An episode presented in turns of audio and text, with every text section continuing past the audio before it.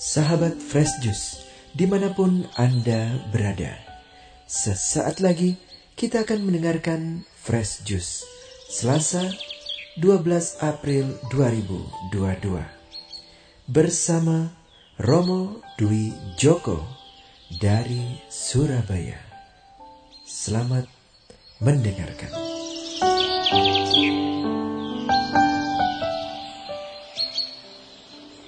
Para sahabat Kristus terkasih, selamat pagi, selamat berjumpa kembali. Salam damai dalam kasih Tuhan.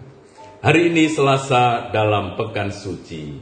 Kita bersama-sama akan mendengarkan bacaan diambil dari Injil Yohanes bab 13 ayat 21 sampai dengan 33, dilanjutkan ayat 36 sampai dengan 38. Mari sejenak kita mendengarkan sabda Tuhan. Di dalam perjamuan Paskah dengan murid-muridnya, Yesus sangat terharu lalu bersaksi. Aku berkata kepadamu, sesungguhnya seorang di antara kamu akan menyerahkan aku. Murid-murid itu memandang seorang kepada yang lain, mereka bertanya-tanya, siapa yang dimaksudkannya? Seorang di antara murid-murid itu, yaitu murid yang dikasihnya, bersandar dekat padanya di sebelah kanannya. Kepada murid itu, Simon Petrus memberi isyarat dan berkata, Tanyakanlah siapa yang dimaksudkannya. Murid yang duduk dekat Yesus itu berpaling dan berkata kepada Yesus, Tuhan, siapakah itu? Jawab Yesus, Dia adalah orang yang kepadanya aku akan memberikan roti sesudah aku mencelupkannya. Sesudah berkata demikian, Yesus mengambil roti, mencelupkannya, dan memberikannya kepada Yudas anak Simon Iskariot. Dan sesudah Yudas menerima roti itu, ia kerasukan iblis. Maka Yesus berkata kepadanya, "Apa yang hendak kau berbuat?" perbuatlah dengan segera. Tetapi tidak ada seorang pun dari antara mereka yang duduk makan itu mengerti apa maksud Yesus mengatakan itu kepada Yudas. Karena Yudas memegang kas, ada yang menyangka bahwa Yesus menyuruh dia membeli apa-apa yang perlu untuk perayaan itu, atau memberi apa-apa kepada orang miskin. Yudas menerima roti itu lalu segera pergi. Pada waktu itu hari sudah malam. Sesudah Yudas pergi, berkatalah Yesus, "Sekarang Anak Manusia dipermuliakan, dan Allah dipermuliakan di dalam Dia. Jikalau Allah dipermuliakan di dalam Dia, Allah akan mempermuliakan Dia juga di dalam dirinya." dan akan mempermuliakan dia dengan segera. Hai anak-anakku, tinggal sedikit waktu saja aku bersama kamu. Kamu akan mencari aku, dan seperti yang telah kukatakan kepada orang-orang Yahudi, ke tempat aku pergi tidak mungkin kamu datang. Demikian pula aku mengatakannya sekarang kepada kamu. Simon Petrus berkata kepada Yesus, Tuhan, ke manakah engkau pergi? Jawab Yesus, ke tempat aku pergi engkau tidak dapat mengikuti aku sekarang, tetapi kelak engkau akan mengikuti aku. Kata Petrus kepadanya, Tuhan, mengapa aku tidak dapat mengikuti engkau sekarang? Aku akan memberikan nyawaku bagimu. Saud Yesus, nyawamu akan ku kau berikan bagiku? Sesungguhnya aku berkata kepadamu, sebelum ayam berkokok, engkau akan menyangkal aku tiga kali. Demikianlah sabda Tuhan. Terpujilah Kristus. Para sahabat, setelah Yesus membasuh kaki murid-muridnya dan menyatakan kepada mereka dambaannya akan kasih akan kesatuan dan persekutuan, hati Yesus menjadi gundah. Dia mulai gundah terharu. Yesus tidak dapat lagi menahan perasaan dan kecemasannya. Maka sebagaimana dikisahkan dalam Injil tadi, setelah Yesus berkata demikian, ia sangat terharu dan bersaksi. Aku berkata kepadamu, sesungguhnya seorang di antara kamu akan menyerahkan aku. Tentu saja para murid menjadi bingung atas pernyataan Yesus ini. Apa yang sesungguhnya terjadi? Mungkinkah satu dari antara orang-orang yang terpilih akan mengkhianati Yesus? Lalu siapa? Dalam Injil tadi Yesus menyatakan, "Dia itulah yang kepadanya aku akan memberikan roti sesudah aku mencelupkannya." Sesudah berkata demikian, ia mengambil roti, mencelupkannya, dan memberikannya kepada Yudas, anak Simon Iskariot.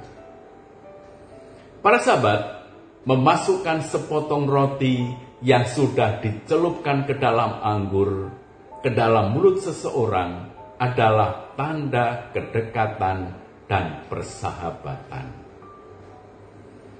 Nah, di tengah-tengah peristiwa yang syarat dengan emosi ini, kita lihat tokoh-tokoh penting. Ada Yudas di sana, ada murid yang dikasihi, yang tidak sebut, disebut namanya, dan ada Petrus. Mereka adalah tiga pribadi yang mempunyai relasi dengan Yesus yang secara mendasar berbeda. Yudas, dia menolak untuk mencintai Yesus ia melawan Yesus, ia sudah mulai membenci Yesus. Murid yang dikasihi secara utuh digambarkan sebagai pribadi yang percaya dan mencintai Yesus. Ia juga tahu bahwa sebaliknya Yesus mencintai dia. Lalu ada Simon Petrus. Ia bingung. Ia menolak membiarkan Yesus untuk membasuh kakinya karena ia tidak memahami cara Yesus ini, cara Yesus mencintai dia.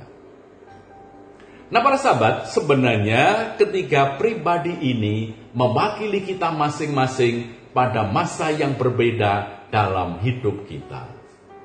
Seperti Yudas, kadang-kadang kita berontak terhadap Yesus dan ingin tinggal sendirian, ingin merdeka, tidak tergantung pada kasih, Nampaknya Yudas kehilangan kepercayaan kepada Yesus dan mulai melawan dia ketika Yesus berbicara mengenai memberikan tubuhnya untuk dimakan dan darahnya untuk diminum sebagai tanda persahabatan dan kedekatan.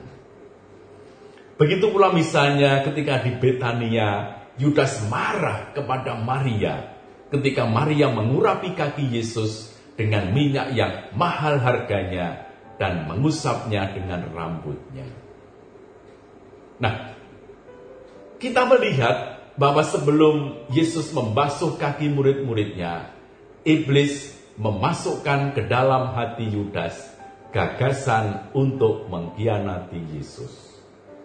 Sekarang gagasan itu menjadi kenyataan, menjadi pilihan Bahkan sesudah Yesus berlutut di depan kaki Yudas sebagai ungkapan kerendahan hati dan kasihnya.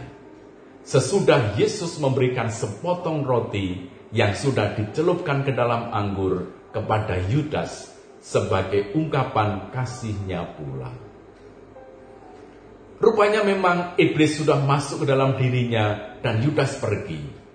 Yudas yang terpenjara dalam kegelapan, yang hatinya penuh dengan kecemasan karena rasa benci pada diri sendiri, dia tidak bisa tenang.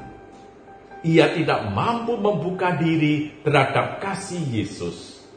Ia harus pergi. Sebagaimana penginjil melukiskan, Yudas menerima roti itu lalu segera pergi. Dan digambarkan pada waktu itu hari sudah malam. Ini adalah malam kegelapan batin dan kebencian. Para sahabat, bisa jadi kita itu seperti Petrus dalam salah satu hidup kita.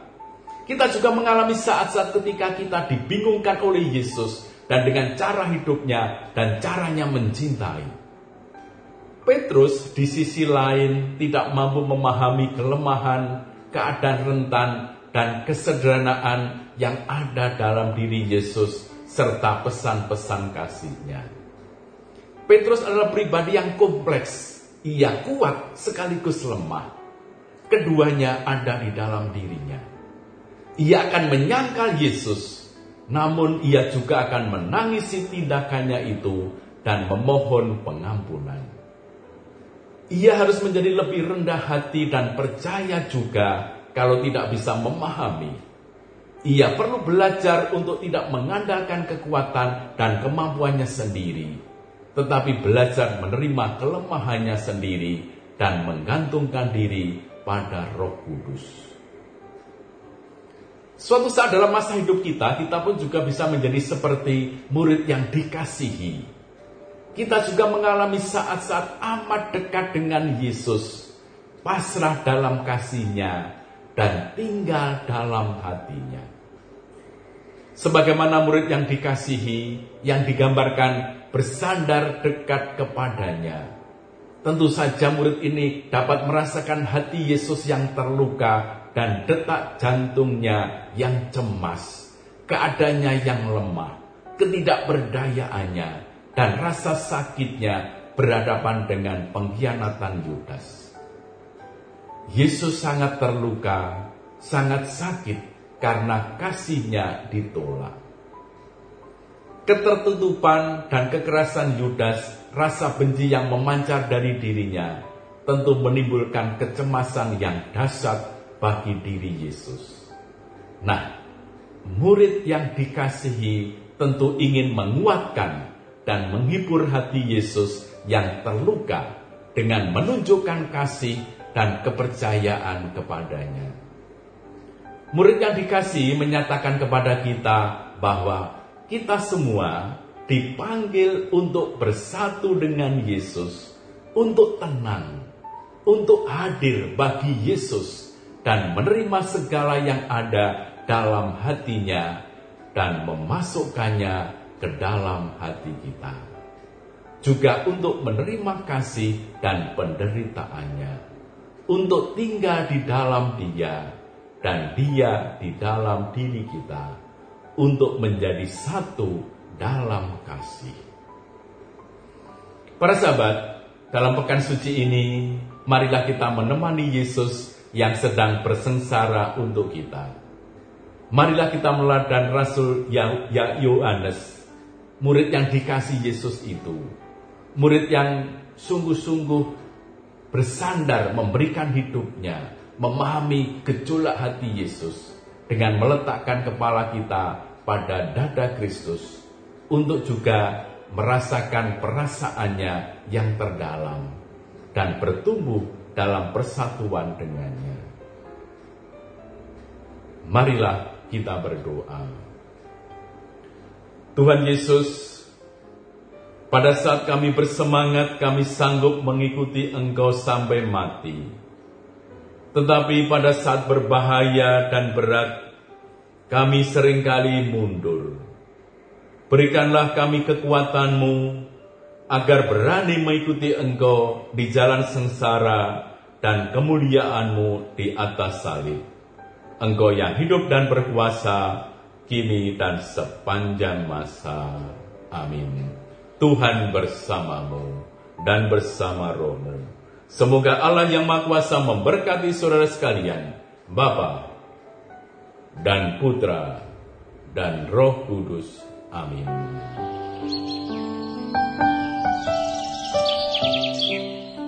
Sahabat Fresh Juice, kita baru saja mendengarkan Fresh Juice Selasa 12 April 2022.